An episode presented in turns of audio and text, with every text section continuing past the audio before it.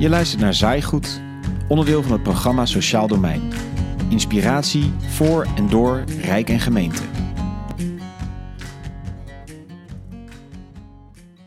De zorgpremie gaat weer omhoog. Ja, jammer. Helaas. Het wordt natuurlijk eh, allemaal eh, ingekort. Vindt u het belangrijk dat de verzekering een beetje flink vergoedt? Natuurlijk. Ze zouden meer mogen vergoeden. Meer mogen vergoeden? Ja. Zouden ze alles moeten vergoeden?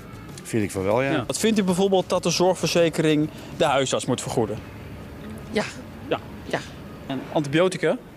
Ook. Kraamzorg? Ook. Fysiotherapie? Zeker. Psychologische hulp? Ook. Kunstgebied? Nee, als je geen tanden in je mond hebt, eet je een beetje slecht. Dus? Dus ja, ook. Paracetamol? Ook. Tandarts? Ja, zeker weten. Steunzolen? Steunzolen moet ook vergoed worden. Zwemles? Anders gaan we allemaal drinken, ja. De zwemles ook vergoeden? Ja, waarom niet? Concertkaartjes voor Litouwers? Nou, ja, voor de ouderen een dagje uit. Vindt u dat u te veel betaalt voor de zorgverzekering? Zeer zeker. Ik vind hem aan de hoge kant, ja. Ja. Hij mag lager. Ik vind het wel een beetje duur, ja. Ja, natuurlijk betaal je allemaal te veel. Dus die premie kan wel naar beneden? Ja, voor mij wel. En de, dingen die ze vergoeden, kan wel omhoog? Omhoog, ja. Je hoort een fragment uit Foxpop, waarin Roel Maaldrink mensen op straat vraagt wat ze vinden van actuele thema's. Als neutrale luisteraar weet je natuurlijk, meer zorg voor iedereen en tegelijkertijd minder betalen? Dat kan niet. Roels vragen gingen weliswaar vooral over de zorgverzekeringswet, maar proberen we binnen het gemeentelijk sociaal domein niet vaak hetzelfde. Je wil de beste zorg en ondersteuning, beschikbaar voor alle inwoners die dat nodig hebben en dat voor hetzelfde budget. Is dat eigenlijk wel mogelijk? Dat gaan we in deze podcast uitdiepen. We horen de ervaringen van verschillende gemeenten en gaan in op verschillende oplossingsrichtingen. En we kijken wat we kunnen leren van pogingen op landelijk niveau om de zorgkosten in te dammen. In het komend half uur hoor je Henk Procé van de gemeente Zwolle, Kees Vendrik, hoofdeconoom bij de Triodosbank, Herm Kuipers van de gemeente Amersfoort, Onder de Zwart van de gemeente Rotterdam en Maarten van Ooyen en Toke Tom van de gemeente Utrecht. En dat allemaal over de vraag: hoe sociaal kun je zijn?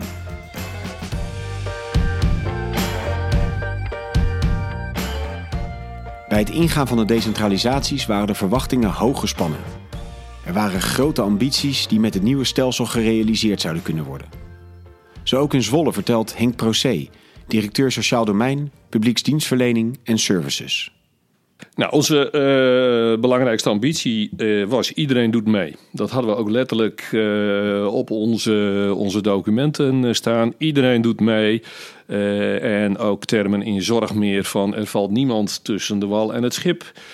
Eh, we doen wat nodig is. En eh, we hebben zelfs eh, ook wel, wel meegekregen van... ja jongens, en als het nog niet helemaal helder is wie dit moet betalen... Of, of er geld voor is, als zich een probleem of een vraagstuk voordoet... met een inwoner of met iemand in de stad, we gaan helpen. En dan zien we later wel wie de rekening betaalt. Sociaal en ruimhartig. Zo ging Zwolle de decentralisaties in.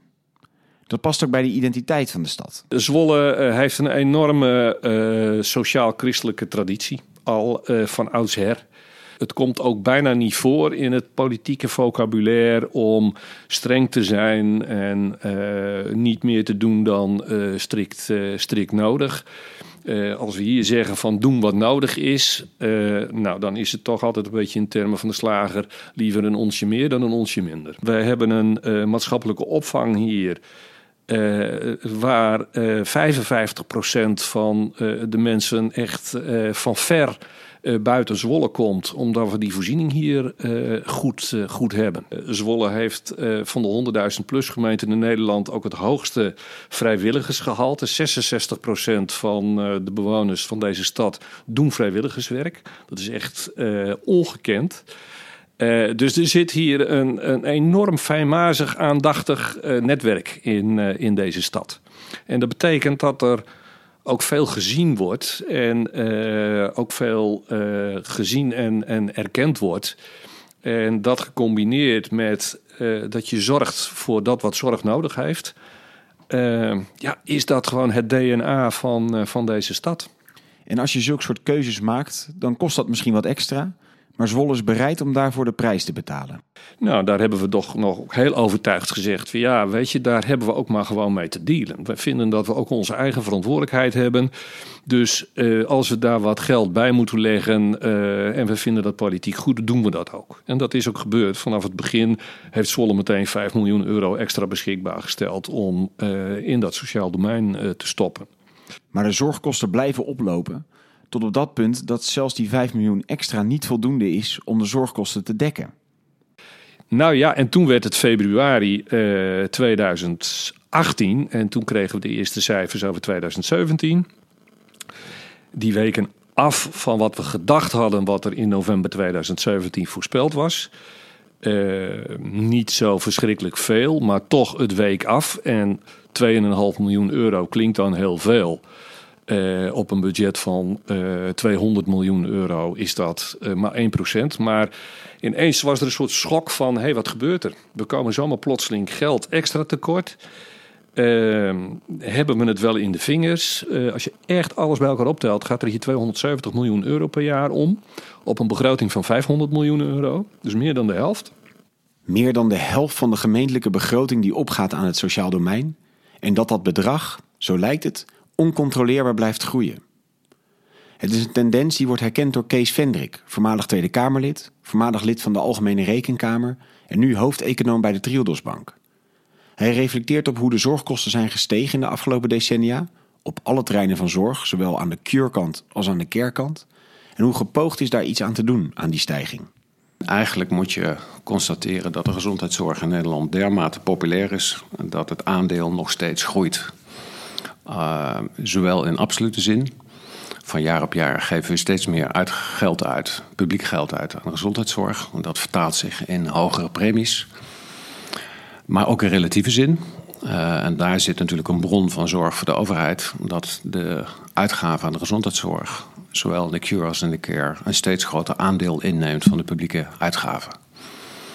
En dat zag je ook de afgelopen jaren. We hebben een uh, forse crisis achter de rug.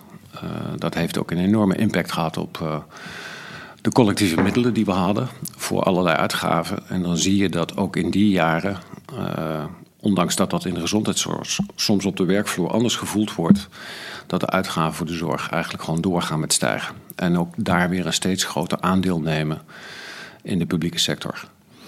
En dat krijgt onvermijdelijk zijn weerslag in een rekening die elders wordt neergelegd. Of het nou het onderwijs is, of politie, of justitie, of gemeentes. Er is de afgelopen jaren heel hard gesneden, ook met name bij het overheidsapparaat zelf, de departementen, gemeentes, provincies. Ja, die moeten dan vervolgens de klap opvangen. En dat is natuurlijk een zorgelijke ontwikkeling. Uh, dat kan natuurlijk niet eindeloos zo doorgaan dat we straks, uh, om het maar even uh, heel extreem te maken, een overheid hebben die nog vooral bestaat uit uitgaven voor de gezondheidszorg. Want de overheid heeft dan wel meer dingen te doen. Dat de politiek ook andere verantwoordelijkheden heeft dan alleen de zorg, daar zal iedereen het over eens zijn. Maar daar politieke consequenties aan verbinden, dat blijkt moeilijk. De gezondheidszorg kan ook rekenen op heel veel politieke steun als daar extra geld naartoe moet om wachtlijsten te voorkomen. Dat waren natuurlijk de grote debatten, zeker in de jaren negentig. Dan komt dat geld er linksom of rechtsom. Henk Procé herkent dit ook in Zwolle terug. Als de discussies gaan over de beperkte budgetten en over het vinden van besparingen, dan klinkt vaak de oproep: Kunnen we niet gewoon in de uitvoeringspraktijk een paar dingen slimmer doen? Uh, zodat het, uh, dat het uh, ja, ons, onze ondersteuning en zorg nog steeds heel goed blijft, maar dat het ons toch minder gaat kosten. Innovatie is inderdaad een van de vier manieren waarop Zwolle probeert de zorgkosten terug te dringen. Henk schetst het kwadrant dat ze vaak gebruiken. Wij hebben dus voor onszelf vier manieren van ombuigen en besparen in beeld. En die halen we er iedere keer bij. En het kwadrantje links onderin, je kunt gewoon aan prijs en uw tarieven gaan schroeven. Hè. Dan zeg je we betalen minder, nou dan weten we wat er gebeurt. Huishoudelijke hulp, uh, dan krijg je een race to the bottom. Maar dat is iets waar je naar kunt kijken. Tweede, linksboven is, je kijkt naar wat is ons voorzieningenniveau. Dus krijg je een rolstoel met of zonder uh, elektrische hulpmotor? Dat soort vragen uh, horen daarbij. Dan rechts, dan zit je meer op de vernieuwing. Dan zit je onderin, kunnen we substitutie doen? En rechtsbovenin is innovatie. En dat plaatje halen we er iedere keer bij. Om helder te krijgen van waar denken wij, waar willen we nou uh, dat, uh, dat zoeken. In het kwadrant van de gemeente Zwolle zit dus linksonder sturen op tarief of prijs. Zit linksboven sturen op het voorzieningenniveau. Hoe ruimhartig ben je in wat je toekent? Rechtsboven zit innovatie, dus slimmere manier van werken. En rechtsonder substitutie. Een ander soort aanbod bieden wat net zo goed aansluit op de vraag, maar goedkoper is. Op onze website vind je meer informatie over het kwadrant. Politiek gezien zie je wel waar de voorkeur zit. Ja, als je het op uh, de omvang van het arrangement hebt, hè, krijg je er nu wel of geen elektromotor bij, ja, dat, dat is meteen uh, de discussie uh, op dat niveau. Nou, wat je ook ziet is dat als je daar toch niet scherp genoeg op bent, er heel snel alles naar het vakje van innovatie en substitutie gaat. En dat er een soort magische uh, formule gevraagd wordt. Uh, van als je het maar slim doet, en als je, natuurlijk moet dat zeker gebeuren, maar het is niet de oplossing voor alles en het is zeker niet de oplossing voor de korte termijn. Want innovatie is ook iets wat gewoon tijd en, uh, en, en, en ja, ook geld kost. Innoveren is dus een vorm van investeren, tijd en geld. Zeer belangrijk voor de lange termijn, maar wat moet je doen om korte termijn de budgetten binnen de perken te houden? We vragen het Kees Vendrik. Hoe ging dat toen met de landelijke zorgakkoorden? En als je nou in al die operaties probeert terug te krijgen wat nou gewerkt heeft en wat niet, dan is er eigenlijk maar één stap geweest die volgens mij enigszins effect heeft gehad, waardoor een demping op de groei van die zorguitgaven is ontstaan. En dat zijn de zorgakkoorden geweest. Die zorgakkoorden zijn een afspraak tussen de minister, de verzekeraars en veel partijen. Dat kunnen de huisartsen zijn, de medisch specialistische zorg, ziekenhuizen enzovoort. Um, en daar is in ieder geval een poging gedaan om gezamenlijk de budgettaire verantwoordelijkheid op te, uh, aan te vatten. En te zorgen dat er binnen bepaalde kaders gegroeid mocht worden. Maar ook niet meer dan dat. Gezamenlijke budgetverantwoordelijkheid. Dat vraagt om een hele andere benadering van opdrachtgeverschap en opdrachtnemerschap. Ik denk dat een, een sturingsfout is gemaakt in al die eerdere operaties. Dat geld, budgetten, publiek geld, wat rondgaat, wat rondspoelt in de gezondheidszorg. Dat was iets van uh, de financieel bestuurders, dat was iets van de verzekeraars, uh, dat was iets van uh, de schatkistbewaarders in de instellingen, de financiële afdelingen. En voor de rest probeerde je daar zo ver mogelijk van te blijven. Dus er is in mijn beeld een voortdurende afstand geweest, of gebrek aan enige vorm van contact tussen wat er in de financiële domein en de gezondheidszorg gebeurde en wat er op de bestuurstafel lag, wat er in de spreekkamer gebeurde.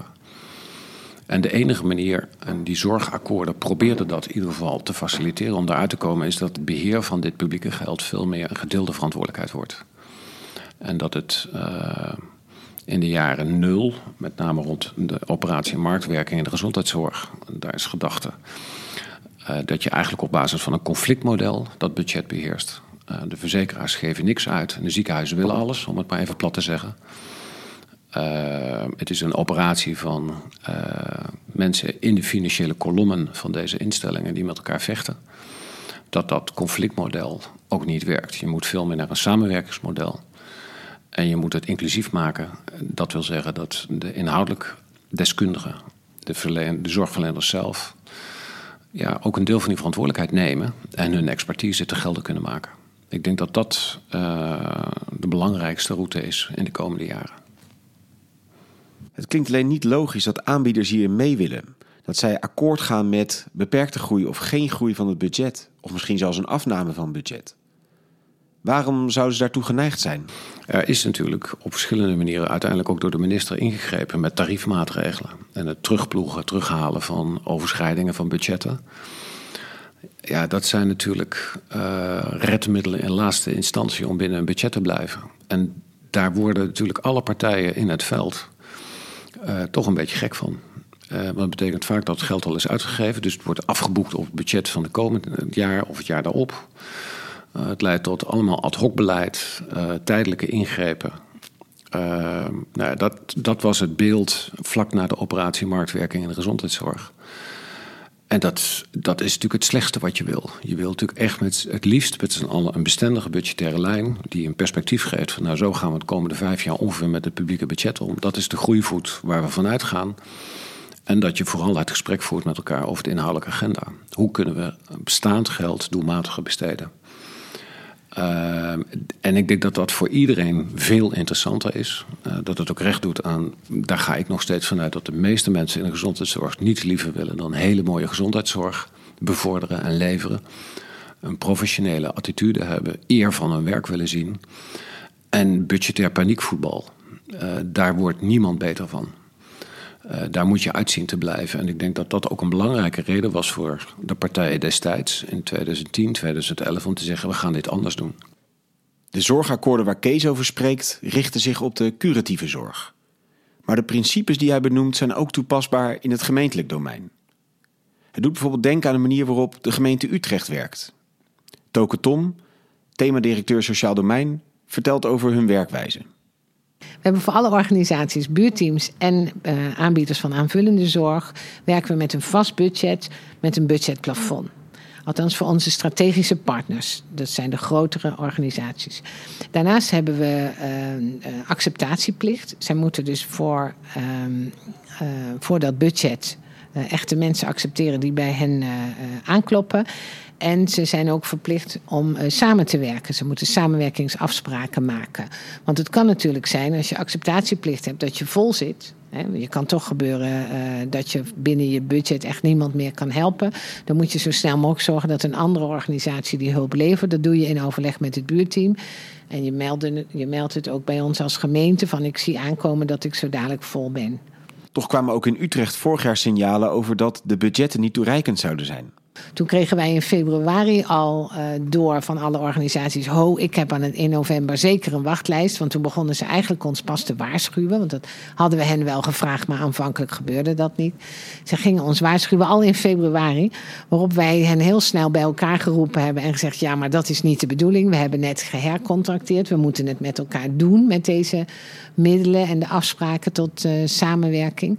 En toen we daar echt goed op doorpraten, toen waren er een aantal aanbieders die zelf zeiden van ja, maar dat is heel moeilijk samenwerken, want wij kennen elkaar niet, wij vinden iets van elkaar en wij zouden eigenlijk moeten nadenken om ook de specialistische zorg gebiedsgericht te maken. Want dan kennen onze professionals, uh, echte buurteams, wij gaan elkaar leren kennen. En dat was eigenlijk een prachtig moment waarop we ook in gesprek gegaan zijn met die aanvullende zorgaanbieders om te kijken, zou je niet beter gebiedsgericht kunnen werken, zodat uh, werkers elkaar allemaal kennen en, en echt tot maatwerkoplossingen kunnen komen voor uh, ouders en kinderen. Het gaat dus nadrukkelijk niet alleen om het strak sturen op budgetplafonds.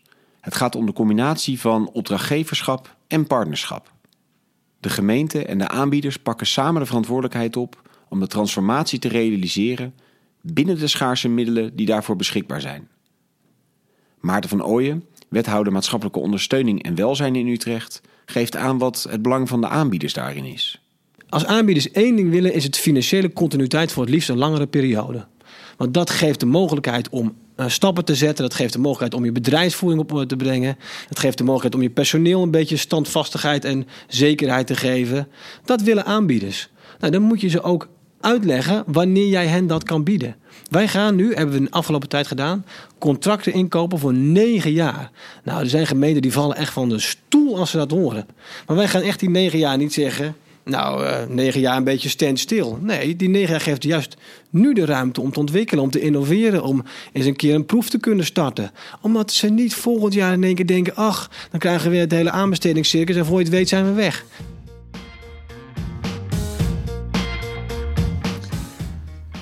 We hebben tot nu toe twee oplossingsrichtingen gezien.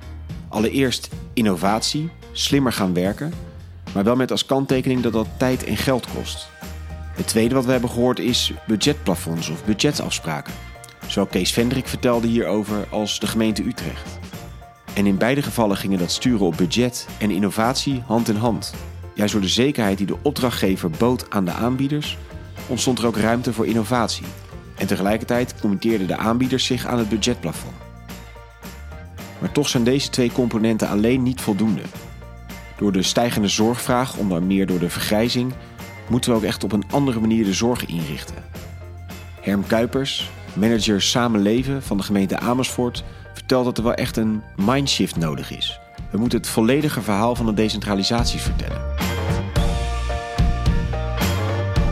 Denk ook dat veel inwoners van Amersfoort dat die gewoon verwachten dat als ze een zorgvraag hebben, dat de overheid dat geeft. En wij hebben ook beloofd nabij te zijn met de wijkteams, maar ook met de ambtelijke organisatie. Uh, maar een van onze leidende principes is ook uh, zelfredzaamheid voorop. En dat betekent dus ook dat we wat van de inwoners uh, uh, verwachten. En dat is een moeilijk gesprek wat te weinig gevoerd is de afgelopen jaren. En dat heeft te maken van de ambtelijke organisatie, maar ook van bestuur en de raad, die gezamenlijk ook het gesprek met de inwoners van de stad moeten voeren. En dat is iets wat we nu en de komende jaren uh, uh, gaan doen. En ik ben heel benieuwd wat dat oplevert. Want het is natuurlijk niet het makkelijke gesprek. Het is niet alleen ophalen, maar ook teruggeven van ja, we vinden niet normaal dat. Ik noem maar wat, ouders met opvoedproblemen, dat die altijd een individuele ondersteuningsbeschikking krijgen.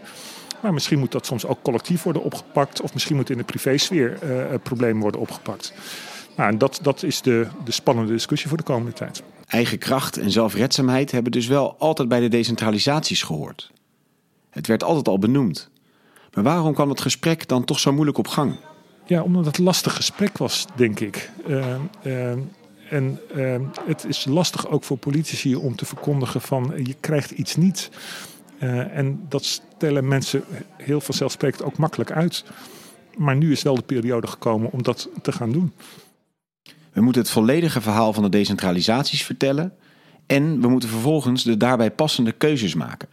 Het budget is niet ongelimiteerd en dus moet je wel prioriteiten stellen. Onder de Zwart, directeur welzijn, zorg en jeugdhulp van de gemeente Rotterdam, onderschrijft dit punt volledig.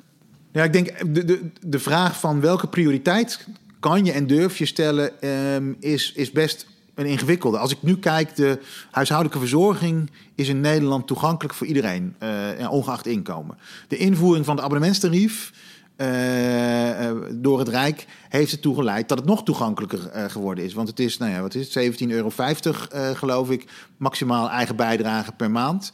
Um, en dan is heel erg de vraag: mag je de, de, de vraag stellen van waarom zou iemand die zijn hele leven zelf een werkster heeft betaald, Volgens mij kent iedereen ze in zijn eigen omgeving, of zelf, of ouders, of vrienden.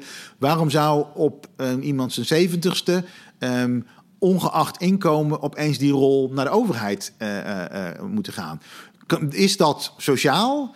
Of is het socialer om te zeggen: nee, we vinden dat voor mensen waar de beperking groot is, die misschien geen inkomen um, hebben. En als je in Hillegersberg of in Kralingen woont of waar dan ook uh, in, in de stad en je hebt een goed inkomen, je hebt dat de, rest, hele leven gedaan, dan kan je het ook gewoon prima doen um, tot uh, uh, ja, in een latere fase van, van je leven. Um, en dat gaat niet om een soort inkomenspolitiek te voeren, maar wel om ja, dat soort discussies te voeren en die zijn lastig. Maar hoe lastig ook, die keuzes moeten gemaakt worden. Hoe voorkom je dat we alles voor iedereen willen blijven doen en daarmee uh, uiteindelijk het voor iedereen minder wordt en dus de mensen die het het meest nodig hebben of de minste mogelijkheden hebben om het zelf te regelen, um, uiteindelijk met het minste overblijven. Want als je wel de mogelijkheden hebt, kan je aanvullend natuurlijk het gewoon altijd nog zelf doen. Maak je die keuzes dus niet, dan leidt dat tot verschaling over de hele breedte. En het zijn juist de meest kwetsbare groepen die daar het meest onder lijden. Maar het moeilijke bij het maken van deze keuzes is dat het sociaal domein zo tastbaar is en iedereen er wel een persoonlijke band mee heeft. Dat belemmert het scherpe gesprek daarover, zegt Henk Procé. Iedereen heeft in zijn eigen omgeving wel uh, mensen die die kent, uh, die zorg nodig hebben, die een handicap hebben, die een psychisch probleem hebben. Uh, en er zijn ook raadsleden die dat gewoon in eigen kring, in eigen gezin hebben. En het sociaal domein roept altijd bij iedereen op dat je het relateert aan dat wat je ziet in je directe omgeving.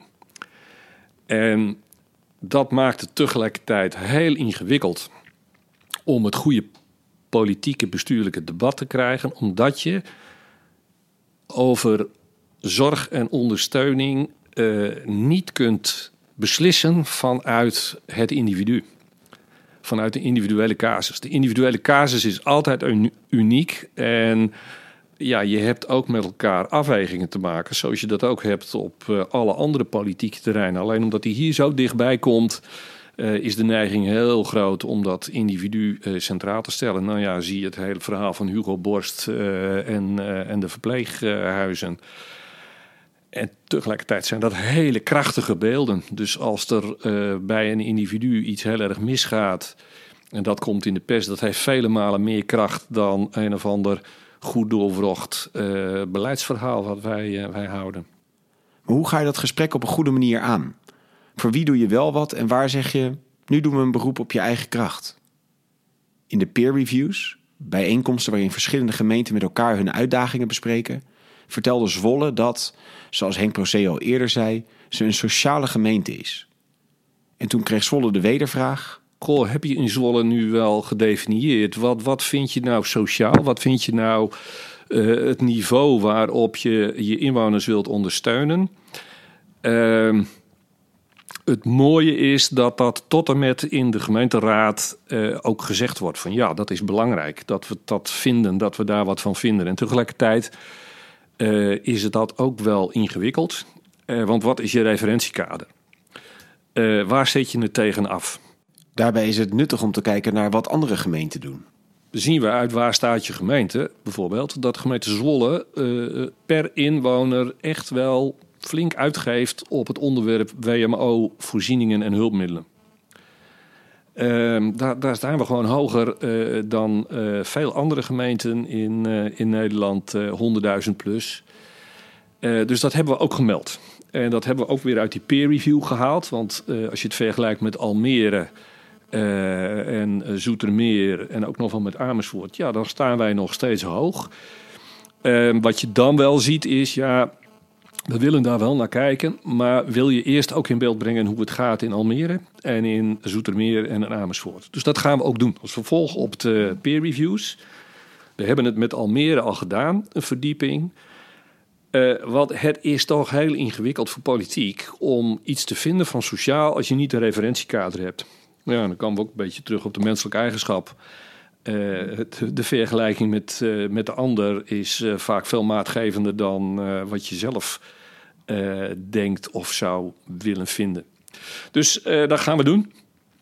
Eh, en de praktijk leert ook dat als we dan met concrete voorstellen komen, die echt iets doen eh, met het niveau van ondersteuning aan onze inwoners, eh, dat dat politiek dan toch eigenlijk niet gewild is.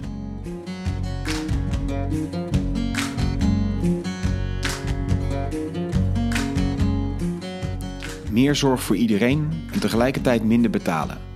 Zo begonnen we deze podcast met de straatinterviews van Roel Maalderink. Er is nu eenmaal een gelimiteerde hoeveelheid geld die je kunt uitgeven aan zorg. Alles doen voor iedereen leidt tot verschraling over de hele breedte. En daar zijn juist de meest kwetsbare groepen de dupe van. Kortom, je moet keuzes maken omdat je een beperkt budget hebt. Wat kun je doen? Je kunt sowieso inzetten op innovatie, zodat je slimmer gaat werken en de kosten kan terugbrengen. En daarnaast is er een soort collectief verantwoordelijkheidsgevoel nodig voor het budget. Zowel tussen aanbieders en opdrachtgevers, als ook tussen de overheid, de politiek en de samenleving. Dus moeten we ons de vraag stellen: hoeveel budget willen we uitgeven en wat is sociaal? Dat is een moeilijk gesprek, hoorden we al een paar keer terug in deze podcast, maar wel een fundamenteel gesprek. Want alles doen voor iedereen leidt tot of oneindige zorgkosten of tot verschraling. Op welke manier ben jij bezig met dit vraagstuk? Hoe stuur jij op budgetten? En wat kunnen we leren van wellicht andere sectoren? Laat het ons weten via de website van het programma Sociaal Domein. We zijn zeer benieuwd naar je verhaal, dus doe graag mee met onze zoektocht. Voor nu, dank voor het luisteren.